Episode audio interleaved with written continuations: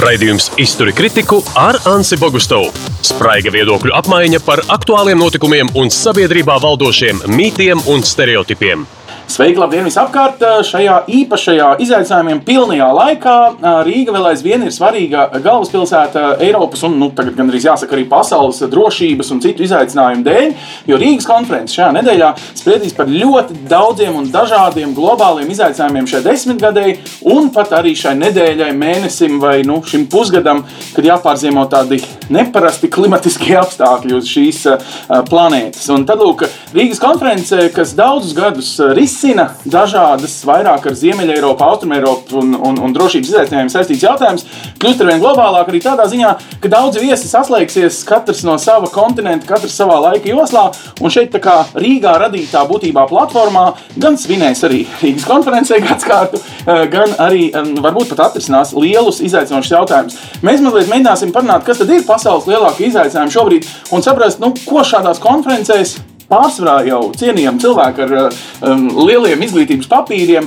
var vai nevar atrisināt tur, kur uh, citreiz pat piedodiet valstu un pasaules varenie uh, nevienmēr ar visu tiek galā. Uh, Toms Baumans ir uh, ne tikai Rīgas Tradiņu universitātes attīstības prorektors, bet um, arī Zana Lato organizācijas, kas gadiem tiešām rada un vada šo konferenciju valdes loceklis ilgus gadus, nu, kā teikt, priekšgalā visai šai um, organizācijai un apspriedēji. Kristaps Celmiņš arī ir priekšgalā, bet ne tik daudzas gadus, arī ir līdzorganizators. Un, Kristap, tava loma šeit būs arī kā jaunajam un topošajam politologam. Paskatīsimies ar jauneklīgām acīm. Varbūt, ka uz daudz ko skatoties kaut kā savādāk vai jauneklīgāk, var ātrāk rast pareizās atbildes. Tom, es sākšu ar to, kas tad ir tas, tavuprāt, šobrīd galvenais izaicinājums. Baltkrievijas problēma, Covid problēma, nezinu, vāja Krievija, kā varbūt citiem tāda, ak, Dievs, viņi beidzot būs aizņemti ar sevi un tāpēc uh, liks pārējos kaimiņus mazliet vairāk mierā. Kas tev liktos ir svarīgākie punkti šim rudenim, lai mēs visi justos drošāk, nu, ja ne no Covid pasargāti, tad visos pārējos drošības jautājumos? Nu, es varētu teikt tā filozofiski, ka pasaule ir inficējusies dažādās dimensijās, dažādos veidos. Mēs redzam, ka Zeme ir uh, sasilšanas efektā, klimats sasilst, tad tā ir sasilšanas infekcija, ko cilvēks ir radījis. Mēs redzam, ka Baltkrievija ir inficējusies ar demokrātiju, ko mēs jau gan sen esam izdarījuši. Mēs redzam, ka Krievija ir inficējusies ar vājumu. Mēs redzam, ka mēs visi ciešam no informācijas kara, tad mēs esam inficēti ar dažādu veidu pamatotu, nepamatotu informāciju, kuru mēs spējam vai nespējam adekvāti izvērtēt. Mēs redzam, ka Eiropas Savienība ir arī palikusi nu, pandēmijas iespējā, jo, jo tomēr jāsaprot, ka tas faktiski de facto tas ir kara stāvoklis. Mm. Mēs neredzam šo ienaidnieku, bet mēs esam kara stāvoklī un jāsaprot, ka tā pasaule ir tik mainīga, ieslīgstot komfortā, mēs nevaram paredzēt nākošos izaicinājumus un riskus mūsu valsts, ģimenes drošībai. Es domāju, ka par to arī ir jārunā un jāsaprot, ka tas drošības aspekts vienmēr būs svarīgs. Tātad drošība ir kļuvusi daudz eh, cilvēcisko, ja māka, jo ir nolaižama līdz manas ģimenes, manas personīgās veselības līmenim, nevis priekš NATO ģenerāla sekretāra ikdienas eh, nu, kaut kāds risināms jautājums. Bet, piedod, es pamanīju vienu lietu pie vārda Eiropas Savienība. Tu nelietoji to pašu vārdu, ko tu pielietoji Krievijai. Tu teici, vāja Krievija, bet Eiropas Savienība arī baigo stiprību un vienotību tagad neparāda. Ja karš visos iepriekšējos gadījumos šai kontinentā kaut vai nozīmēja, ka Eiropā ir valsts, kas arī mēdz savā starpā karot, tad teorētiskais Eiropas Savienības sapnis vairāk kā 50 gadu pastāvēšanas taču bija tieši tāpēc, lai it kā nodrošinātu, ka mēs vismaz visi vienoti esam kopā un savā starpā nekarojam, tad redzēsim, kā izdosies ar citiem. Bet tagad, kad uznāk šis neredzamais ienaidnieks, mēs atkal nu, esam vai neesam kopā. Kā tev liktos diagnoze tam, ka mēs it kā kopā pirksim vakcīnu, kas teorētiski vakar ir eh, plus mīnus viena no iespējamajām atklātajām un ietekmīgajām, eh, ka mēs, eh, bet ir lietas, kuras mēs nedaram kopā, un tas padara mūs, nu, tad es prasu. Es Ansi, Ansi gribētu teikt, ka uh, Eiropa ir izsista no komforta zonas, no tādas letarģiskas labsajūtas, kas iespējams ir bijusi iluzora, jo tā kopējā laime, tie dalāmie lielumi, viņi nav sadalījušies vienādi, viņi nav sadalījušies pietiekoši. Tā apmierinātība Eiropiešos ir neapmierinātība, atvainojos, ir augusi. Un, protams, uz kaut šī fona teiksim, uz pandēmijas fona neizskatās visas lietas tik labi, bet tomēr Eiropa joprojām turās kopā un ir gatava to darīt. Ja mēs paskatāmies uz Krieviju, tad Krievija vienmēr ir teikusi, nu, ziniet, ko pasaule vairs nebūs ne vienpolāra, ne divpolāra, viņa būs multipolāra. Jā, Bet nu, vai tā būs Krievija? Domāju, ka Krievijas vieta ir ieņēmusi Ķīna. Un, ja mēs runājam par multipolaritāti, tad faktiski te ir runa par rietumu demokrātijām un Ķīnu, bet Krievija ir būtībā nu, palikusi vājāk uz tā fona. Mēs redzam, mm. kaut vai Baltkrievijas gadījums, Ukraiņas gadījums, Kalnu-Karabahas gadījums. Visi šie piemēri liecina par to, nu, ka arī Krievija ir vāja savas iekšējās nespējas dēļ, jo nu, cīņa ar pandēmiju neteiksim, ir sekmīga. Cīņa ar kaimiņu demokrātiju rašanos neteiksim, ka ir sekmīga. Pasaules reputācijas fonā Krievijā neizskatās nemaz tik labi, lai neteiktu pilnīgi bēdīgi. Un teiksim, tās iejaukšanās vēlēšanās, kur nu viņas ir bijušas Amerikā vai citur, nu, tā ir tāda nu, tā ir tāda, nu, tā, tādi pēdējie centieni pierādīt, ka mēs tomēr esam šeit. Labi, es eh, pieķeršos mazliet tom vārdiem un pārlikšu to kā jautājumu. Tātad vājums, riski klimatam, infekcija, Uh, nu, drošība un faktiski karš, vai tev ir bail? Jo kara laikā ir normāli cilvēkam emocionāli kaut kā justies nu, ievainojamam vai nepasargātam, vai tev kā cilvēkam, kurš principā sava vecāta vai vecāta paudzē ir pēdējo reizi tādā ģimenes pieredzē, pieredzējis karu. Um, Vai tev ir bail šajos apstākļos? Tu lietot tik skaļus vārdus kā karš, uzbrukums, ievainojums. Es domāju, ka mūsdienu kontekstā ir svarīgi saprast to, ka karš nebūs tāds, kā bija manam vecātam vai vecātam. Okay. Un tās bailes, kādas varētu būt, pieņemsim, man vai arī manas paudzes cilvēkiem, ir noteikti savādākas. Jo, kā arī iepriekš minēju, šis konflikts un šis, draud, šie draudi ir nogājuši varbūt no šī augstā politiskā līmeņa arī uz mūsu individuālo, uz ģimenes līmeni. Tāpēc ir būtiski saprast to, ka katra cilvēka iekšā, katra cilvēka uztrauc, uztrauc viņu personiskais stāvoklis. Un tikko kā mūsu ikdienā ienāk šie draudi, dezinformācija, meli no citiem mēdījiem, bailes par to, vai tu pats domā patiesību, ir man liekas, klātsošs ikvienā, kas spēj sakot sev un savām darbībām līdzi. Jo... Ko, ko man darīt? Kā sagatavoties? Teiksim, manā bērnībā, kad gāju skolā, man mācīja, kā uzvilkt gāzes masku, kā ietīties atvainojas baltā palagā un iet pašam uz kapiem. Tāpēc, ka kodolka rezultātā, ja tie ļaunie amerikāņi man uzmest kodolbumbu un mēs to, es gribu teikt, gandrīz tā kā gaidījām. Nu, kad tas būs? Jā. Tad šeit ir iespējas sagatavoties kā cilvēkam, kas ir prātīgs un teorētiski taču ir mhm. paši dzīvošanas instinkts cenīvēji. Nu, tad tu gribi paglābties un kad beigsies karš, tad iznāk no alas laimīgs un sāk jaunu skaistu dzīvi. Ko darīt? Jā, tad, ko darīt, ir uh, risinājums, ko mēs arī Latvijā esam domājuši. Un šis risinājums, kā mēs esam atklājuši, ir, uh, ir daudz jaunu, aktīvu cilvēku. Un kas ir skaidrs, ir tas, ka viens aktīvs jauns cilvēks spēj piesaistīt citus aktīvus jaunus cilvēkus. Līdz ar to mums kā mērķis ir izglītot un iesaistīt šos jaunos aktīvistus, topošos līderus, kā arī mēs darām vairākās programmās, iesaistot arī Rīgas konferences, arī mums jauno līderu fórums, mm. kurā viņiem ir nevien iespēja savā starpā runāt, uzklausīt, bet arī piedalīties un kā dalībniekiem Rīgas konferencē. Un izglītojot viņus, viņi izglīto savus vienaudžus. Un tādā veidā, atklājot, pieņemsim, veidus, kā skatīties uz ziņām, kā pētīt mēdījus, kā kā uztvert kaut kādus Krievijas, piemēram, notikumus, darbības. Mēs nevienu iemācām viņiem ar to tik galā, mēs iemācām arī viņu ģimenē, viņu draugiem. Tad, nu, tā kā kritiski izvērtēt informāciju, tā būtu tāda higiēna, kā mēs sakām, digitālā pasaulē. Um, bet uh, to demokrātiju sanāk, jums ir, nu, ziniet, kāds teiciens, ka katrai paudzei uh, sava uh, valsts vai neatkarība jā, jā. vai brīvība ir kā, kā vēlreiz jāizcīna. Šis ir tas izcīnīšanas mirklis tavai paudzei? Uh, izcīnīšanas mirklis, man liekas, mūsu paudzei ir tieši jautājums, kas ir, uh, kā jau arī Toms minēja, par klimatu pārmaiņām. Mm -hmm. Jo uh, šis jautājums, kā ir novērojams, ir daudz, daudz aktuālāks jauniešu starpā.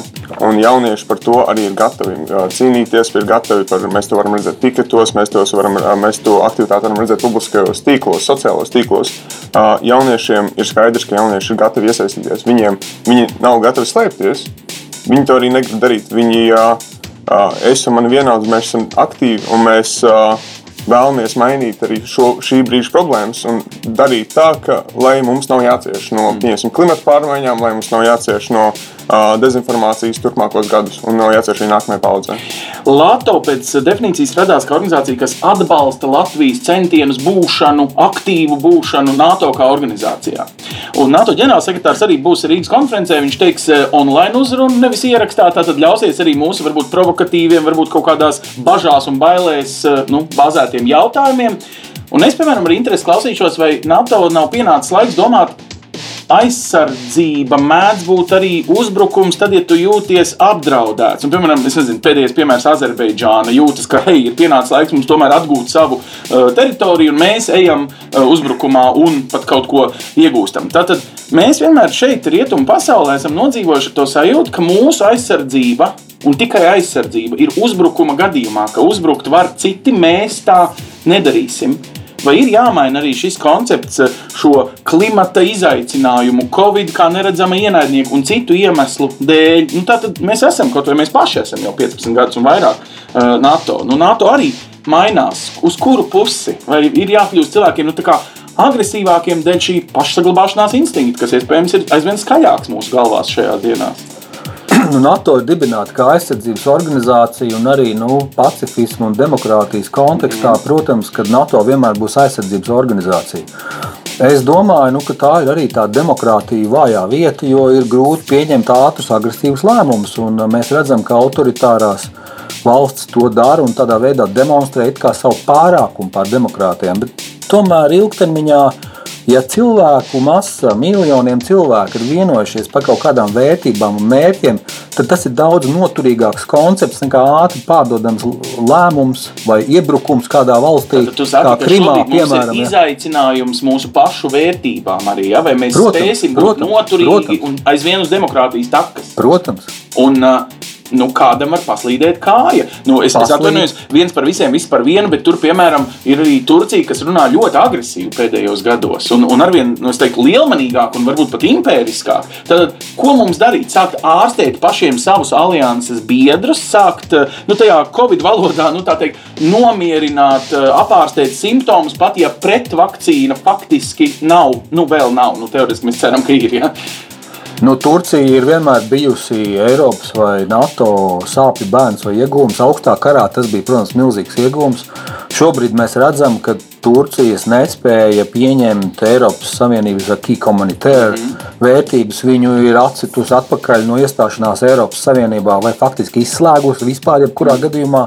Nu, šī ir tā problēma, kas ir jārisina. Es nedomāju, ka te ir ātras zāles. Es domāju, ka Turcija mums būs problēmas. Mums ir problēmas arī ar citām dalību valstīm kuras, piemēram, uzskata, nu, ka mums ir tūlīt jāsāk brāļoties ar Krieviju bez nosacījumiem. Bet kā mēs varam atzīt, kad, kad teiksim, ir kaimiņu valstī ir tiesības atņemt citam teritoriju, nu, tas nav iespējams. Mm. Tas nav iespējams. par uh, Krievijas rīcību Krimā un jā, pieņem par Ukra jā. Ungārijas nu, tādu vai, vai, vai to nu, centrālu. Krīma, Gruzija labākie piemēri. Mm. Um, labi, bet um, nu, tā tīri tādai domāšanai, ko Rīgas konferencē jūs par šo, jo, piedod, tu uzskaiti tēmas, par ko es esmu lēmuši gadiem, cik es esmu sekojis, un tur vienmēr ir kaut kāda kustība, kaut kādas jaunas intelektuāļu domas. Ko šādas konferences spēj šajā drošības sajūtā vairot, izņemot, kā piedod, intelektuāļu vingrojumi, kurš kaut kā smukāk noformulēs vai kaut ko tādu nu, tā jaunāku konceptu uh, spēs uh, piedāvāt. Tas kļūst pēc tam par kaut kādu rīcību politiku, politiķiem. Viņi noklausās un iztulko, ah, šis nemaz nav tik stulbi. Kā, kā tu redzi Rīgas konferenču, konferenču starplaikos to ietekmi no lietām, ko jūs tagad online un Nacionālajā bibliotekā pārunāsiet? Es varu minēt vienu piemēru. Manuprāt, 15. gadā jau Latvijas konferences ietvaros izstrādāta pētījuma rezultātā tika secināts, ka Brexit scenārijs ir ļoti reāls. Mm -hmm. Ļoti daudz gadus pirms tam. Bet informācijas ērā, datu un informācijas baitu aprit ir tik ātri, ka cilvēks smadzenes spēja viņus apstrādāt ir kļuvusi salīdzinoši maza un neliela. Tāpēc Kristaps ļoti precīzi pieminēja, ka galvenais tomēr ir izglītot tos cilvēkus, un tas ir nepārtraukts process. Un es domāju, ka arī Rīgas konferences loma faktiski ir izglītot, informēt, iesaistīt, jo mums laika pa laikam parādās visādi laimes solītāji, populisti, brīnumdari, kuri diemžēl beig, dienas beigās nekādas izmaiņas nespēja ienest. Labi, Kristap, tu Jā. būsi nostrādājies tā, ka gulēsi visdrīzāk nākamo nedēļu, jo es tagad kā organizators noskrējies visdrīzāk. Um, Nu, un tas sausais atlikums tev, kā cilvēkam, kas tajā ieguldījis, ir dvēseli zināšanas, bet nu, tu domā, ah, kāda tam visam bija jēga. Nu, zin, tā pēcgarša, vai tu apmēram nojaut, ko šādu intelektuāļu vingrinājumu, un kāpēc nezinu, Latvijas politiķiem ir nenormāli svarīgi. Rīgas konferencē tur bija ieradušies tādi un tādi lieli čiekuri, tādas un tādas idejas paudums. Nu, tā kā vienmēr atsaucās. Man liekas, ka ir daļa cilvēku, kas nesaprot, par kādu Rīgas konferenci jūs runājat. Jūs par to skaistumu salonu izstādi kaut kur tur ķīpselā, jo tai piedod skaitliski būs lielāks apmeklētāju daudzums klātienē. Nu, protams, online es ticu no visas pasaules Rīgas konferencē būs pieslēgušies cilvēki, kas grib nu, par šiem jūsu uzrunātajiem jautājumiem tikt skaidrībā. Jā. Tad ir divi, manuprāt, ļoti būtiski aspekti šajā sakarā. Pirmais ir, kā jau minēju, pieslēdzas ļoti, ļoti plašs cilvēku lokus. Un, nav tik bieži, ka Baltijas valsts nonāk uz pasaules kartes. Mm. Uh, un šī ir viena no tām iespējām. Tieši arī ārzemju dalībniekiem viņi ir uh, strādājot ar viņiem, nevarēs, viņi ir ļoti ieinteresēti piedalīties Rīgas konferencē. Tas ir uh, viens no viņu tā teikt, highlightiem. Kad... Mm -hmm. Tad jau, jau pirms gada kaut kur kalendārī tika iezīmēti datumi. Ja? Tieši tā. Bet uh, otra lieta, kas ir, protams, tur ir uh, eksperti kas, uh, un uh, augsta līmeņa, augsta ranga politiķi, kas, uh, kuriem varbūt tas saturs nav tik unikāls, bet tomēr mums jāatceras, ka viņi ir uh, pāris un viņi arī ir runātāji. Mm. Ir simtiem klausītāju, tūkstošiem klausītāju, mēs skatāmies pagājušā gada piemērus līdz kuriem nonāk šī. Un tā ir tikai tiešai tālāk, tas tiek pārpublicēts rakstos, kas sasniedz desmitiem tūkstošu cilvēku. Kā, kas ir informācija, kas ir piemēram arī tam vienam klausītājam, ir iespēja dzirdēt cilvēkus un viņu domas, ko viņi pirms tam nebūtu dzirdējuši. Un kā arī tika minēts, ir daudz laimes solītāju šobrīd mūsu vidē. Un ir būtiski šiem cilvēkiem arī spēt apzināties un redzēt tos reālos lēmējus, reālos ekspertus, kas arī spēja un viņus uzklausīt un dzirdēt šo viņu viedoklis, vai par to diskutēt. Viens no tiem izaicinājumiem tajā informācijas laikmetā, nu, tā digitālai higiēnai, vai kam ir arī tie, tu viņus sauc par laimes solītājiem vai kliedzējiem, populistiem, nu, kā tik vēl mēs viņus nevarētu par troļļiem nosaukt un tā. Kā ar šiem um, nu, tik galā šāda konference ir tas pieklājīgais veids, kas atgādina, kas ir tās demokrātijas vērtības. Jo teorētiski lielāks laiks un šērs tajos sociālajos tīklos, ko mēs izaicinām kā nu, tādu nezinu, visas informācijas mučkuli. Nu, pēc būtības tik un tā būs lielāka tiem kliedzējiem. Un populisms nav nomiris. Populisms atzīst vienā vai otrā valstī atkal un atkal pēdējā desmitgadē. Protams, tā ir. Bet, kā jau arī tika iepriekš salīdzināts, autoritārisms un demokrātija, mēs varam salīdzināt varbūt to vērtību līmenī, ka populisma un šī laimes solītāja vērtības drīzāk varētu būt pielīdzināmas, viņa sekotāja vērtības varētu drīzāk būt pielīdzināmas autoritārismu idejai. Un, kas ir raksturīgs autoritārismu idejām, viņas nav ilgspējīgas, viņas nav dzīvotspējīgas. Nē, nu, ekonomikā citreiz viņiem tas ir. Es gribētu pāris punktus šeit pateikt. Man, man liekas, ka tas ir bijis dziļāks jautājums. Ja mēs pastamies uz pēckara pasauli, uz globalizācijas rezultātiem, tad kas globalizācijā ir ieguvēji? Tās ir multinacionālās kompānijas Jā. Un tās ir nabadzīgās valstis. Jo nabadzība pasaulē ir sarukusi no 30% uz kaut kādiem zem 10%. Pie vēl nosacījuma, ka demogrāfijā savukārt šīs nabadzīgo valstu populācijas ir trīskāršojušās tieši un četrkāršojušās. Tieši tā. Un kas ir zaudētāji? Zaudētāji ir nu, zilās apaklītes, jeb parastā darba darītāji pārsvarā pārtikušajās valstīs. Mm -hmm. Un tie ir tie lielākie zaudētāji. Viņi dzīvo piedod man, Latvijā, Lielbritānijā, Amerikas Savienotās valstīs. Un viņi nesaprot pēckara politikas veiksmes stāstu, jo darba vietas ir pārcēlušās uz Ķīnu, uh mhm. -huh. uz Vietnamu vai kaut kur citur. Viņi nesaprot, kāpēc teiksim, mūsu patvērumu politika ir tik liberāla, jo viņiem pašiem nav darbs. Mēs zinām, ka Spānijā jauniešu bezdarbs ir 50%. Reizē, protams, tas spānietis varbūt teiks, ka viņš nestrādās par 1000 eiro, bet no otras puses viņš arī neko nemāk darīt. Mm. Un tā problēma ir, ka mūsu sabiedrībā tās gaidas pret tām iespējām ir tik lielas, ka nevar uzskatīt, ka liberālā demokrātija de facto un de jure tās visas risina. Viņa, ne, saka, viņa, viņa nerisina. Rietumu sabiedrībai tā skaitā varbūt jau trešās paudzes mieru piedzīvojušajiem, nu, teikt, jauniešiem, ir bišķiņi jāsamierinās ar to, ka sociālais labums, kas nebija godīgi pārdalīts pasaulē vēl pirms simts gadiem, principā ir jāpārdala nu, godīgākās, un tad sanāk vienam otram līdz šim salīdzinoši mazākās daļās. Ja? Un ka mums ir nu, uz šīs planētas jāizdzīvo gan klimata pārmaiņu dēļ, gan, gan godīgas resursu sadalas dēļ. Nu, ekonomiskāk. Nu, saprotiet, sociālā labuma pārdala tas tāds iluzors, sociāli demokrātisks tāds jēdziens, pēc kura mēs tiecamies. Nu, jā. Bet nu, iedomājieties realitātē, kad, piemēram, Nokia rūpnīcas tagad uz vēsturiskā piemēra no, nezinu, no Beļģijas. Izdomāts piemērs tiek pārcelt uz Ķīnu. Mm -hmm. Darbu drau- zaudē 5000 beļģu uh, Pilnīgi reāls darbinieku. piemērs, jā. Pilnīgi reāls piemērs. Kāds viņiem no tā ir iegūms? Ieguvēji ir akciju turētāji, kam pieder Nokia, biržu, mm -hmm. visi. Nu, Teiksim, Būtībā šis pats scenārijs pirms pieciem strādnieki- gadiem palīdzēja Donaldam Trumpam nokļūt amatā. Bet, Viņš protams. uzrunāja šos it kā aizvainotos cilvēkus. Protams, Rāzbelta štati, kurā a, Amerikas Savienoto Valstu automoto industrija aizvien vairāk zaudē savas pozīcijas Ķīnas un citu ražotāju priekšā, viņi zaudē darbu, viņi neapmierināti. Ja Vajag risināt šo, vajag varat- šo problēmu tiem, kas saka, ka viņi ir demokrāti un liberāļi, bet viņi tomēr kaut kā joprojām uzskata, ka pasakot, ka mums ir šāda politika, mēs atrisinām šo problēmu. Nē, mēs neatrisinām, viņi joprojām paliek. Bet, bet tādā reāli politiķi, tātad jūs intelektuāļi, jūs pētnieki, jūs uh, to redzat, godīgi man izstāstat nu, to diagnozi. Un tad kaut kā jūs redzat, ka spējat spēcināt, motivēt, apgādāt ar argumentiem un varbūt rīcību politikas kaut kādu nu, scenāriju arī šos lēmumu pieņēmējus, politiķus. Pēc tam tas pārvēršas nu, kaut kādos jēdzīgos, nevis populistiskos lēmumos no valdībām, kuras nu, ne jau visas ir populistiskas. Nu. Nu, es nevaru apgalvot, ka visas diskusijas pārvēršas lēmumos, bet es varu apgalvot, ka diskusijas viņu dalībnieku konteksti turpina dzīvot. Un šādas konferences kā mūsējā Rīgā ir, ir vēl pasaulē. Bet tik lielas kā Rīgas konferences faktiski Ziemeļā Eiropā nav. Līdz ar to mums vajadzētu savā ziņā būt lepniem, bet lepns jau tikai tu vari būt tad, ja tu saproti, kas notiek, ap, notiek Protams. apkārt. Ja tu to saproti, ka cilvēki grib šeit zināt, tad Tu varētu iedomāties, ka kaut kāda nozīme tam ir. Jo, piemēram, mūsu Jānis Sārts, ja, mm -hmm. viņš ir uzrunājis kongresu, stārdot, stāstot par informācijas karu. Ja, Konstants Steicenmūlere ir bijusi piecas reizes Rīgas konferencē. Viņa arī ir uzrunājusi kongresu par šiem jautājumiem. Es domāju, ka mēs šeit piedalāmies nopietnā dialogā, esot no tādas valsts, kas uz pasaules kartes vispār nav saredzama. Un mūsu ekonomiskais impulss vispār ir nu, nekas. 0,00. Jā, labi, bet parunāsim par mūsu eh, labi, spēju vismaz intelektuāli piedalīties un virzīt un, un, un arī izglītot eh, debati. Man liekas, ļoti interesanti daži jautājumi, kur liekas, nu, klausies, man liekas, ka mums līdz Ziemeļpolam ir apmēram tikpat tālu kā līdz ekvatoram, un te mēs pa vidu starp šīm divām līnijām.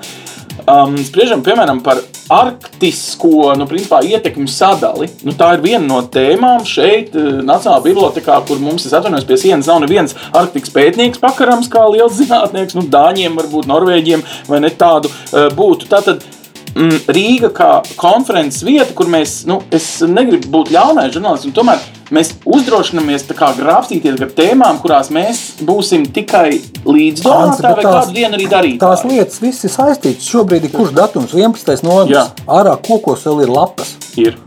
Kad Nav biju, normāli. Kad es biju mazs puika, mēs slēpojām šajā Tieši laikā. tā. Nu, tas ir saistīts ar Arktiku. Ja tu padomā tālāk, dziļāk, tu redzi tur saistību. Mm. -hmm. Ja ūdens līmenis celsies, ja Grenlanda diskusijas, kas būs pirmie cietēji? Droši vien tiem, kam ir mājas pie jūras zemās vietās, arī iespējams Latvijā, arī iespējams Jūrmalā. tu vai tavs kaimiņš. Jā. Tieši tā, pilnīgi. pilnīgi Varbūt, ja ne tu, tad tavi bērni. Es- Tāpēc arī Kristaps ļoti precīzi pateica. Jā, bet tāpēc Kristaps arī ļoti precīzi definē, ka jaunieši uztraucās par klimatu problēmām. Mm. -hmm. Teiksim, mēs esam aizgājuši no patērētāja filozofijas uz tādu kreisāku klimata jautājumu, bet tur joprojām paliek nu, jautājums par uh, sociālo labumu. Vai definēsim, kas ir darba vietas? Runāsim par darba vietām. Jā, nu, galu galā arī vēlētājs ir aizgājis bišķiņ uz kreiso pusi, jo klimats aizvien vairāk kļūst arī Latvijā par uh, politisku tēmu. Pat pašvaldību vēlēšanās, uh, nu, tavā tātad kā jaunieša, uh, kurš nu, analizē šo galvā, ko mēs kā sabiedrība aizvien ar demokrātiskām metodēm varētu šeit darīt brīdī, kad ir pāris nu, rietumu demokrātijā bāzētas lielvalsts, kas izraisa, izrāda savas ambīcijas uz Arktikas apgūšanu ar cerību uz naftas laukiem, uz kuģošanas iespējām. Un ir pāris, nu, vismaz nedemokrātisks, ja ne uz totalitāro virzītas valsts, kuras principā paziņo, hei, es pirmais šeit ieliku savu karodziņu, tas tagad pieder man. Nu, ļoti imperialistiski pieeja. Nu, tā pirms 100 un 200 gadiem cilvēki rīkojās. Um, Nu, tā tad demokrātijas metodas nevienmēr palīdz pasaulē risināt lietas. Vai tavas dzīves laikā par Arktiku būs kariņš? Uh, fizisks kontakts ir uh, labs jautājums, to mēs nevaram prognozēt Arktikā. Bet uh, kā politisks konflikts un diskusija šobrīd jau ir notiekoša. Mm. ASV 19. gada Pompeo uzruna, uh, Ķīna. Tas viss sākās Ķīna 14. gadā. Un kā mēs varam novērot par to, vai tas ir kaut kas nozīmīgs? Piemērs, manuprāt, labs. viens no lielākajiem un spēcīgākajiem Arktikas izpētes centriem atrodas Itālijā. Tad uh, var saprast, ka tā geogrāfiskā lokācija nav tas nozīmīgākais faktors. Un uh, Arktika ir uh, viens ir. Uh, Drauds klimatam, otrs tas ir drauds drošībai. Piemēram, noliek savu karodziņu, kāda viņa arī tur noliek savu raķeti. Jā. Protams, tas ir viens no pieņēmumiem, bet kas ir pats būtiskākais tajā visā, ir vēlme šo teritoriju, teritoriju eksploatēt. Ekonomiskiem labumiem. Bet, uh, tas ir atkal jautājums valsts kompetences un valstu vēlmes attīstības ziņā. Jo ir skaidrs, ka caur turieni aizbraukt, ir, uh, pa, pa augšu aizbraukt, ir uh, ātrāk nekā apbraukt apkārt uh, Afrikai vai apbraukt apkārt Dienvidamerikai. Klau, bet tad uh, visu to izraisa kas pārapdzīvotība. Vienkārši mums vajag vairāk resursus, mēs esam par daudz, tāpēc mums vajag jaunu naftu. Ejam uz nu, tur, kur tagad nokusa ledus un varbūt var ieurpties. Globālā sasilšana. Jā, tas Bet ir. viņa arī ir laikam saistīta ar mūsu pārtēriņu, jo pārtēriņš rodas no tā, ka mēs esam mūsu daudz. industriālo darbību. Jā. Nu, jā, tad gribam visu laiku to dzīves līmeni kāpināt. Tāpēc mēs Visi gribam būt barā, bagāti. Jā, kurš gan negribētu no mums trim, vai ne? Mēs mums patīk taču ērtības dzīvē, vai kaut kas tāds. Bet šis vispār ir nu, atrisināma lieta. Nu, tā vienmēr novedīs cilvēks pie sadursmēm. Tur katram ceram būs savas ambīcijas. Katram ir savas ambīcijas, bet ko mēs varam novērot, protams, runājot par demokrātiskām valstīm, runājot par au- autoritārākām valstīm, ir atšķirība. Bet kas ir novērojams, ir piemēram Ķīnas politika, kas galīgi nav demokrātiska valsts. Mm -hmm. uh, bet Ķīnas politika ir pēdējos gados pauž to ideju, ka redz, mēs esam jau uh, attīstījuši savu valsti ekonomiski tik tālu, mēs esam sabojājuši tik tālu, ka tagad mēs iesim to ceļu un mēs centīsimies uh, veidot viņu ilgspējīgāk. Mm -hmm. Mēs esam sasnieguši to Eiro, Eiropas rietumu līmeni ekonomiskā mm -hmm. ziņā, tagad mēs esam sākuši domāt par labklājību. Līdz ar to mēs arī varam novērot šādu tipu valstīs, kas ir mums līdz šim likušās varbūt kā uh, klimata pārmaiņu ziņā ļoti ietekmējuši un ļoti bīstamas. Mm -hmm. Kā patiesībā valsts, kas ir vēl, vēlas iet pašas uz progresu un uz šo ilgspējīgu politiku. Viņas nē, bet, domāšanu. bet tur ir vēl viens aspekts. Nu, ja mēs esam paceļojuši pa pasauli, mēs redzam, kur visvairāk atrodam uh, pla- atrodam plasmas atkritumu. O, jā. Trešajā pasaulē. Mm, Indijā ir ostas, kurās nevar iebraukt, jo akvatorijas ir pilnas ar plasmas uh, vienkārši atkritumiem. Mēs Latvijā šobrīd jau lielā vairumā, es domāju, esam kļuvuši tik apzinīgi, ka mēs tās plasmas burkas vairs nemetam ārā un saprotam, ko tas Jā. nozīmē. Tad tas jautājums ir par izglītību. Tā ir jaunatīstības valstīs. Nu, droši vien, ka tas neprasa daudz nemest ārā plasmas atkritumus. Un šajā ziņā Grēta, Grēta slavenā Thunberg, jā. Thunberg maldās. Nav tā, ka Vācija būtu lielākais uh, piesārņojuma cēlonis. Šajā gadījumā tā ir. Ja tas ir jaunatīstības valsts, tad acīm redzot, vajag vērsties tur, vajag palīdzēt, tur vajag izglītot. Un tas izglītošanas jautājums ir gan Rīgas konferencē, gan arī Eiropas Savienībā. Ko mēs šobrīd jūtam? Mēs nevaram ceļot, mēs nezinām, kā ir citur. Mēs gribam iepazīt, uzzināt, izglītoties. Eiropas, mēs esam kļuvuši savā ziņā par Eiropas ko, o, iedzīvotājiem. Mēs patērējam Eiropas ceļošanas iespējas, kultūru un visu to. Un no tā mēs ciešam. un Tas faktiski sākās ar ko? Ar Erasmus, piemēram, studentu apmaiņu, ar Schengens līgumu. Un tas faktiski arī tā studenta apmaiņa ir, ir, ir jātīsta un, un jāveicina. Un, piemēram, Latvijā tagad ir augstākās izglītības reformas, kurās augstākās izglītības eksports netiek vispār ņemts vērā. Un tas taču ir forši, ka pie mums mācās ārzemnieki. Protams. Un kāpēc gan nu, virzīt kaut kādas mistiskas, politiski doktrinētas reformas, kurām nav nekāda jēga un nozīme ekonomiski, ne izglītošanai? Nu, Protams, mēs nespējam saprast to, ka tas ir mūsu intelekta eksports. Patiesībā, ja mūsu profesori apmāca šeit atbraukušus uh, studentus un Nes Latvijas vārdu pasaulē. Ne tikai viņi te gadiem grib uzturēt. Gadiem Ja kaut vai jūsu pašu universitātē cilvēks atbrauc studēt uz vienu gadu no Vācijas, paliek visus 5, 6, 7 un, un dabūna doktora ne, labā, ne sliktāku diplomu. Labi, tagad tas ir tas globālais ietvars. Ejam pie kaimiņiem, ejam uz Baltkrieviju. Mums te Rīgas konferencē runās, nu, piemēram, Maija Mora ir bijusi ne tikai Latvijas, arī Eiropas Savienības vēstniece Baltkrievijā. Um, no nu, Baltkrievijas atbrauks arī Tikanovskas kundze, saprotu, klātienē vai online. Kā mēs viņai varēsim izsekot? Šobrīd joprojām runājam, ka klātienē. Nu, re, uh, tātad Rīga būs, nu, ja tā mēs atvainojos, ja es kādam aizvainoju, un es teiktu, Viļņa un Varšava pēdējā pusgada laikā nu, bija tā hiperaktīvākas, varbūt arī vēsturisku iemeslu dēļ, uh, kaut kādus risinājumus meklējot par krīzes risinājumiem Baltkrievijā. Rīga nu, tagad vismaz šo nedēļu noteikti pārvērtīsies par tādu vietu, kur var būt kaut kādi jauni soļi. Uh, Pirms nu, tādas gandrīz tā kā agresijas draudiem, kas pieaug, kas jau fiziski uz ielām kļūst ar vien agresīvāk. Tā, kad, nu, ir ieildzis mazliet arī tas uh, revolūcija uz ielām un cars vēl aizvien tronī risinājums. Uh, uz kādiem risinājumiem mēs Baltkrievijas sakarā šeit varam cerēt? Tātad vēlreiz uzklausīt Baltkrievu opozīciju, labi, un tad ko? Ieteikt scenārijus, uzrakstīt jaunu sankciju sarakstu papildinošu. Protams, ka mēs varam uzrakstīt sankcijas sarakstu, bet jāsaprot, ka Baltkrievijas jautājumu var atrisināt Baltkrievu tauta. Mm. Tieši tā. Un tik ilgi, cik uh, godātais prezidents Lukašenko turpinās uh, izklīdināt demonstrantus un šaut un iespējams nogalināt, līdzīgi kā Pinocheta režīms kādreiz Čīlē, es domāju, ka viņš ir. Viņš ir sasniedzis to, kas, to, ko sauc par tipping point. There is no point of return. Mm -hmm. Viņam īsti vairs atpakaļceļa nav. Nu, Un, mē, mēs varam karjera. tikai izglītot savu sabiedrību, kurā joprojām ir šo mm, Lukašenko tipa līderu cienītāji. Mm -hmm. Tas būtu tas, kas jādara. Labi, tas ir par sevi. Bet, bet tomēr Rīga kā risinājuma punkts un vismaz kaut kādiem intelektuāliem ieteikumiem mēs varam cerēt, ka Rīgas konferencē nu, būs kaut kāds kristalizācijas punkts jaunām idejām. Jā, par šo es vēlos akcentēt to, ka mums jāatcerās, ka ne Eiropa izvēlēsies to, ko Baltkrievija grib darīt. Tā ir Baltkrievijas tauta. Baltkrievijas tauta at, mēs varam mēģināt salīdzināt Baltkrieviju ar Ukrajinu, bet tas nav iespējams, jo Ukrainas vīzija bija skaidra Eiropazācija. Baltkrievijai nav tāda. Viņai ir skaidra vēlme demokratizēties. Līdz ar to mēs viņiem varam dot platformu, kurā izpausties. Mēs varam ļaut viņu ekspertiem, viņu pārstāvjiem runāt. Mēs varam palīdzēt viņiem virzīt savas idejas. Mēs nevaram viņus radīt, mēs nevaram viņus arī īsti viņiem veidot kādu rīcību politiku. Mēs nevaram. Cilvēks, kas ir mācījies visdrīzāk arī vēsturi, ja jau tagad Jā. Politikas zinātnē studē.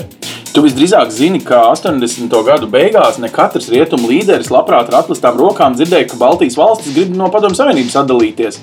Tad šī uzklausīšana, šī iejūtības pakāpe, šī um, durvju atvēršana, tur, kur karaļnamos durvis nevienmēr verās, um, šī, es teiktu, ļoti vēsā, atturīgā, nezinu, Francijas prezidenta Makrona, kamēr viņš te bija reģionā pirms mēneša kaut kur vizītē, tāda runa, ka, oh, iesaistīsim starptautiskas organizācijas, galvenais, lai pie galda sēž arī Krievija. Nu, tad, tad mēs gandrīz tā kā piekrītam, ka Krievijai, kā ārvalstī, ir tiesības līdzlemt, bet mēs, nu, ar savu demokrātiju, kā klusa un pieklājīgi, var cikot, ja salīdzinām ar Latvijas vēsturi, vai šis nav tas mirklis, kad mēs gribētu, lai par mums vairāk būtu iestājušies rietumos, nu, toreiz, 80. un 90. gados, un ka tagad mēs varam būt, nu, tādi, es nezinu, hiperaktīvi, un es negribu teikt kliedzoši, un tomēr hiperaktīvi, nu, šo tiltu Baltkrievijas tautai uz demokrātiju būvēt arī no šīs puses vairāk, kā jauna paudze, kur parasti iet revolūcijās. Jā. Uh, paņemsim to pašu piemēru 80. gadu beigas. Mm. Ja būtu pieņemsim, bijusi kāda valsts, kas mums vēlētos subsidēt, kas mums vēlētos uh, veidot mūsu politiku, mm.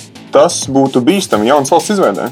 To nedrīkst darīt, jo tad zūd šīs valsts uh, autonomija, mm -hmm. savus pa, pašu tad lemšanas kļūtu par kaut kādu tā kā, aģentu kādai no lielvarām. Ja? Jā, tā, tā nedrīkst darīt, jo tad, ā, pieņemsim, tajā brīdī, kas ir novērojams arī ar valstīm, kas ā, tika ā, šīs jaunās valsts, kas veidojās pēc kolonizācijas reģ- ā, Mhm. laikā. Viņas ā, savā laikā bija šīs koloniju valstis, viss funkcionēja, jo viņām bija subsīdija, ā, subsīdijas no liela, lielvarām.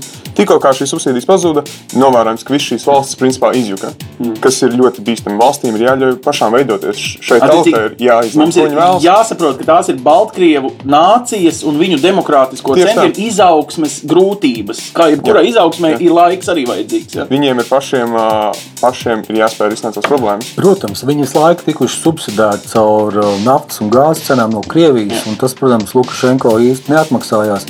Bet no reāla politikas viedokļa nu, mums uh, nav sagaidām mierīga laika reģionā. Stabilitāte nebūs nevienā gadījumā, ne otrā. Tāpēc, ka ja Lukašenko paliek pie amata, tad, uh, tad tomēr tas nemieris sabiedrībā, manuprāt, vairs nav dzēšams. Mm. Kā to risināt tikai ar Krievijas um, resursiem, varbūt arī militāriem. No otras puses, ja Lukašenko režīms krīt un izveidojās demokrātisks režīms, tad jāsaprot, ka jaunie demokrātiskie režīmi parasti ilgstoši ir ļoti vāji. Mm -hmm. Un tas ir, uh, ņemot vērā reģionu kontekstu, ir, protams, lielisks spēļu laukums draugiem no Kremļa, kur tur varēs izspēlēt vienu pret otru. Un mēs redzam scenārijus, kas jau ir notikuši kaimiņu valstīs, piemēram, Ukrajinā. Ja?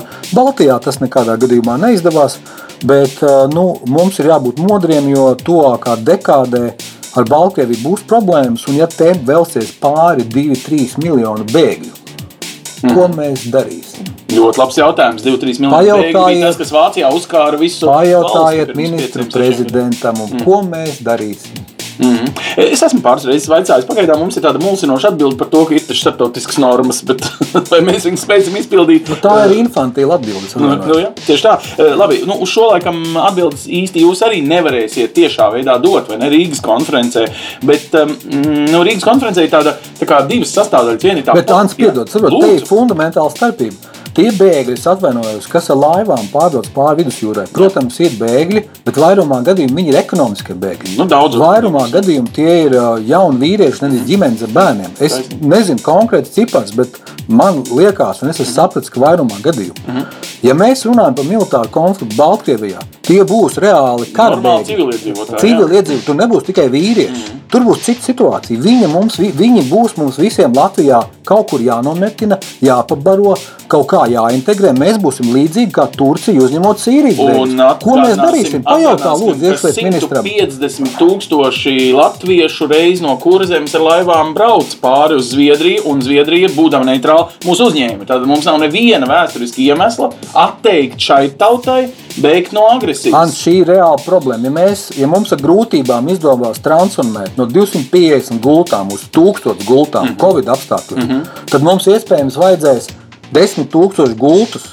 Mums vajadzēs miljoniem telts, kuros viņas izmetināt. Mhm. Nu, un, ja tā Nu, būs ziema, tad drīzāk pat ne teltis, bet jau vismaz slēgtās Latvijas skolas vai uh, ko nebūtu citu, kur, uh, nu, principā, jā, tad, tad arī tie ir faktiski kara apstākļi, kuros mums ir līdzi, līdzi Un tie skars visas mūsu ģimenes. Tā nebūs, ka mēs varēsim palikt malā. Un jūs Rīgas konferencē, protams, nerakstīsiet reāli scenāriju šādai rīcībai, bet drīzāk izaicināsiet, vai cilvēki par visiem šiem draudiem nu, domā un vismaz zīmē kaut kādus eh, scenārijus. Eh, Nu, citreiz valsts iestādēs ir scenāriji, kur nekad netiek realizēti, bet forši, ja viņi ir ceru, ir. kā darbības plāni. Um, ja kas, kas tev ir Rīgas konferences eh, lielākais devu- devums? Kas tevī rada šo gandarījumu, ka ir izdevies sasniegt nu, kaut kādu Vismaz jautājumu, ja ne pat atbildi uz viņu to dažu Jā. dienu laikā. ir, kā jau arī tu minēji, konferences uzdevums ir raisīt domāt. Ne raisīt rīcību politiku, kas, protams, ir reizēm šo domu rezultāts, bet pamatideja ir domāt. Un, Ir skaidrs, ka ir jaunas intereses, ir jaunas problēmas pasaulē, un par šīm problēmām viņas, viņas ir jāaktualizē, viņas jāapskata, viņām ir jārunā, un viņām jāraisa jautājumi. Un konferences šajā ziņā ir tā platforma, kur to, kur to darīt. Jo ir skaidrs, ka ne katrs dalībnieks ir piemēram domājis par visām šīm pro problēmām, kas ir ā, programmā.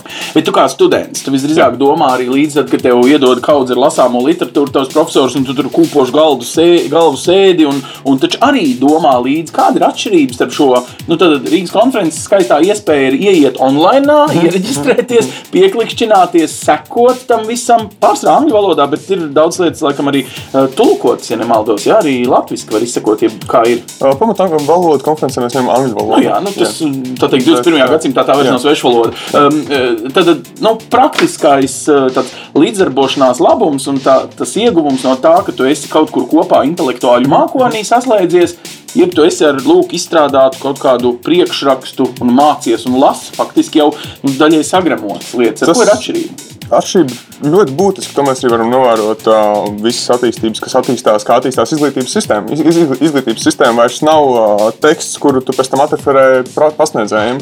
Uh, ir, uh, cilvēki ir daudz vieglāk sasniegt. Piemēram, uh, man kā studentam. Uh, Skaidrs, ka man uzrunā vairāk nevis, piemēram, ir skaidrs mācību viela, bet, ja man to pašu mācību vielu tagad pateiktu premjerministrs, tas būs, protams, daudz saistošāk. Jo viņš ir reāls politikas pieņēmējs, viņš ir šīs tēmas, viņš ir nevis, pieņem, nevis teksta autors, viņš šo tekstu var pa- pagriezt un piesaistīt dzīvē. Tātad tu no šiem, piemēram, piekdienas vakarā, pusastoņos, pusstundu pirms panorāmas, dzirdamajiem četru valstu prezidentiem, plus vēl Žanetu Ozoliņu, cienījam profesoru, vai ne, tev pašam ā, pasniedzēja Edgars Inkevičs, mūsu ārlietu ministrs. Tātad šo nu, gan intelektuāļu, gan jau valstu līderu runātu, negaidi tādu viņa ekscelencijas apliecinu, cik svarīgi ir būt šeit kopā, nu to līderisko bla bla bla, bet tu sagaidi kaut kādu ko. Jo šeit faktiski sēdēs četru salīdzinoši mazu, bet aktīvu Ziemeļu valstu demokrātiju līderi.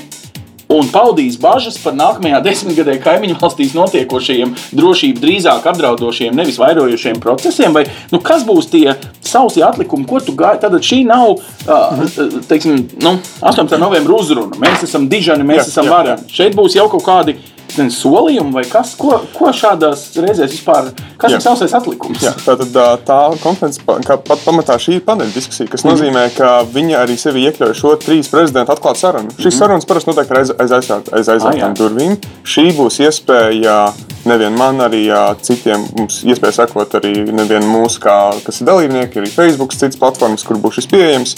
Uh, ir iespēja redzēt šo diskusiju, uzklausīt, ko prezidents, varbūt vēl kāds valsts salīdzināt prezidentu domas, kurš domā šādi, varbūt kādam ir savādāks virziens. Jā, viena ir... no viņām ir neitrāla valsts, piemēram, nu, ja tā salīdzina kaut vai to, visas ir Eiropas Savienībā. Mm. Uh, un uh, ir būtiski uh, redzēt šos līderus. Uh, ir, Man liekas, tas ir ļoti, ļoti svarīgi, ka mēs arī spējam piesaistīt mūsu līderu un redzēt viņus arī tā teikt, tuvāk. Es, es gribētu piebilst, ka Te ir trīs mazu valstu līderi, kas runās par ANO, par to, vai apvienotās nācijas spēj kaut ko darīt ar tiem izaicinājumiem, kas mums ir, piemēram, pandēmija. Iepriekš tu jautāji, nu, ko NATO var darīt. Mm -hmm. ja? Bet šeit tas pats jautājums. Nu, faktiski ANO drošības padomus locekli Ķīna, no kurienes nāk šis šīs pandēmijas avots, nu, ko, kāda atbildība uzņemās Ķīna, ko viņi liek priekšā, ko drošības padomu. Nu, jāsaka, līdz šim neko. Nu, Bet mazām valstīm šīs starptautiskās organizācijas faktiski ir tāds glābiņš un patvērums. Tad, tad mēs šeit atgādināsim, ka tas, ko es gandrīz atļaušos pakritizēt aizējošo Amerikas prezidentu Trumpu, proti viņa vēlme nu, uzbrukt nespējīgajām starptautiskajām organizācijām, mums ir sāpīgi, jo mēs neredzam citu scenāriju. Mums tās vajag spēcināt esošās starptautiskās organizācijas, attīstīt, uzlabot, vairāk naudas veltīt un tā, nevis viņas likvidēt, jo ir nepietiekamas. Ja? Jo, ja mēs viņus visus likvidējam, tad mēs paliekam acis pret acis ar draudzīgu Ameriku vai nezinu, kādu naidīgu citu milzīgu mm -hmm. valsti. Ja? Tas mazām valstīm faktiski ir nu, fiasko un droši vien iestājās reāla politika un ģeopolitika. Nu, reāla politika un ģeopolitika tajā ziņā, ka viņas var pazaudēt savu neutralitāti vai vismaz neatkarību. Ja? neatkarību. Mm. Tas nozīmē, ka šeit mēs atgādināsim pasaulē, ka hei, mēs esam, mums ir tiesības uz pastāvēšanu, to pierāda mūsu simtsgades. Mēs drīkstam būt neitrāli kā Somija un iekļauti NATO. Nu, mēs arī izvirzīsim savu ambīciju. Tas ir interesanti. Nu, faktiski Rīgas konferencē šogad visdrīzāk drīzāk tā skaļi pasaulē tiks pateikts, ka Latvija ir ambīcija kļūt par ANO drošības padomus rotējošo dalību valsti, kas šobrīd ir Igaunija ar pieredzi. Ko mēs tādā veidā iegūstam? Nu, kas tas tāds par tādu īpašu sēdeklīti uz pusgadu? Uh, tur pie uh, nu, tā galda, kur tāpat sēž valsts, kurām, ja kaut kas nepatīk, viņas uzspiež veto un vispārējie tur stāv pie ratiem. Nu, faktiski pateikt visiem, ka mēs tomēr arī esam un ka mums ir tāds viedoklis.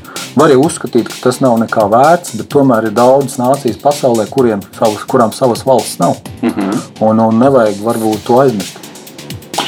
Nu, to vajag atcerēties katru dienu, ja pareiķina, cik tautām nav savu valstu. Tad es domāju, tas ir vismaz desmit reizes vairāk nekā valstu pasaulē vispār. Ko tev šādā svētku reizē, nu, tas ir Rīgas konferences kaut kādā mērā, nu, vairot tavas valsts īpašo statusu? Nu, tad, kad mēs tā vienmēr lepojamies, es esmu Latvija, to mēs iemācījāmies simtsgadē pateikt. Bet nu, šādā lūk, aktīva pilsoņa rīcībā, nu, daži tavi cīņu biedri no nezinu, vidusskolas nesaprot, ko tu tur dari tajās politikas zinātnēs. Nu, ko tu maisi pasauli? Nu, tu neatrisinās to. Ja tava personīgā ambīcija ir pēc tam, es nezinu, būt eh, pēc desmit gadiem Egīla Levita vietā ar nosaukumu President of Republic of Latvia šajā konferencē. Pirmkārt, tas nav leģitīmi iespējams. Uh, jā, tev jāpagaida 40 gadu vecums. Jā. Jā. Tieši tā. Bet, uh, kā jau arī Toms teica, ir uh, svarīgi apzināties to, ka mums ir jāuzliek mūsu valsts uz, kartes. Mums ir jāveido platforma, mums ir jāsniedz šī uh, iespēja, varbūt nevien tikai mums izteikties, bet citām valstīm arī mums atdzirdēt. Tātad tavs brālēns to darītu, es pieņemu, ar nezinu, dienēšanu zemesardzē un tādu aktīvu rīcību, nu, tajā, sauksim, militārajā aizstāvēšanā, un tu to dari tajā, nu, politiskajā aizstāvēšanā. Tas ir kā tavas paudzes cilvēks skatās uz pasauli. Uh, es teiktu, ka katram sava loma Latvijas valsts attīstībā. Un uh, mana loma, ko es izvēlējos, mūsu kā organizācijas loma, ir uh, nest Latvijas vārdu pasaulē. Nu, Lato, bet caur to faktiski Latviju. Atvainojos, pārteicos Latvijas labi ir svarīgi. Jā, vest uh, Latvijas vārdu pasaulē, un mēs to varam darīt caur lielākā platforma. Mums ir Rīgas konference. Mēs to darām caur citām, orga, citiem projektiem. Mēs, piemēram, pēdējais, kas mums bija, mēs uh, apkop, savācām Baltijas jauniešus, mm -hmm. Baltijas potenciālus lī, topošos līderus.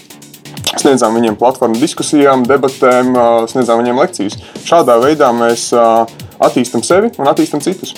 Nu, ko, Rīgas konference ir tā viena adrese, kur vajag vienkārši šajā, nu, gan ceturtdienas jau vakarā, gan jauno līderu formā, var atsevišķi kā tādā vēl vienā pa papildus sadaļā piedalīties. Var piedalīties tajās konferencēs, kur, nu, jā, tādos ierobežotos, citreiz ar e-saslēgšanos saistītos apstākļos, citreiz klātienē, bet ieiet Rīgas konferences mājaslapā. Šim gadam ir ļoti krāšņa programma, ļoti labs veids, kā, nu, kā vienā dienā un elpas vilcienā saprast eh, ļoti daudzas eh, pasaules izaicinājumus. Ikdienā Latvijas mājaslapā, es saprotu, var meklēt arī, ja gribi būt aktīvs un daudz kur iesaistīties un uzzināt. Un tie jaunie topošie līderi, tas nav lamuvārds. Eh, tie kļūst arī par uzņēmumu līderiem tie nevienmēr ir politiķi, tie ir cilvēki, kas grib kaut ko sasniegt un kaut ko darīt. Eh, nu, varbūt tādi ievadvārdi, ar ko tu trīs eh, jautājumi, ko tu sev Rīgas konferencē gribētu šogad atbildēt, palīdzi mums eh, klausīties aktīvi. Kā tev liekas, uz kuriem trim jautājumiem? Nu, principā, nu, ja ne pilnu atbildi, tad vismaz tādu ierosmi pašu domāšanai es saņemšu šogad. Nu, man liekas, varbūt diskusija par, par Eiropas Savienību varētu būt interesanta, jo jautājums patiešām ir, cik Eiropas Savienība ir izturīga, spējīga. Un tā izturības spēja jau ir atkarīga ne no viena spēlētāja, bet no daudziem. Tas, manuprāt, būs ļoti svarīgi. Nākamais - NATO svarīgums abās pusēs Atlantijas okeānam ir fundamentāls jautājums, jo mēs zinām, ka prezidents Trumps to ir apšaubījis. Un, protams, paši Eiropieši ir devuši tam pamatu, nevar uzskatīt, ka, ja es nemaksāju 2% aizsardzībai, man kaut kas pienākās. Nu, tā ir objektīva kļūda no Eiropas puses. Un trešais, manuprāt, ir tieši šis reģionālais aspekts - Baltkrievija, Krievija. Kas patiešām šeit notiks? Mēs kā un Karabahu nepieminējām, Jā, bet visā visumā spriedze atgriežas atpakaļ pie mums, un tas ir mums tieši blakus. Un es gribētu teikt, ka vēsture ir pilna neticamiem pagriezieniem. Mm. Sabruka Padomju Savienība. Esam uzmanīgi. Jā, arī Napoleons reiz eh, zaudēja tur, kur viņam likās, ka viņš dabūs fiksu uzvaru. Un, eh, kas tik viss tiešām vēsturē mums nemāca, um, ka tas um, jā, būt uzmanīgiem dažreiz nozīmē ietekmēt vēsturi. Paldies, ka jūs ietekmējat Latvijas vēsturi pozitīvā veidā. Eh, lūdzu, ietekmēsim mēs visi kopā Latvijas vēsturi. Sēdēsim mājās, kopīgi svinēsim šos e-Latvijas patriotu svētkus, gan 11. gan 18. un tā kopīgi svinot, domājot par savu valsti, attīstot viņas demokrātiju un noturēties pret muļķībām pasaulē spēju, eh, patiesībā darīsim viņu vēl neatkarīgāku un varenāku. Um, priecīgi svētku šajā nedēļā un tiekamies atkal nākamajā raidījumā. Izturi kritiku! Projektu finansē Mediju atbalsta fonds no Latvijas valsts budžeta līdzekļiem.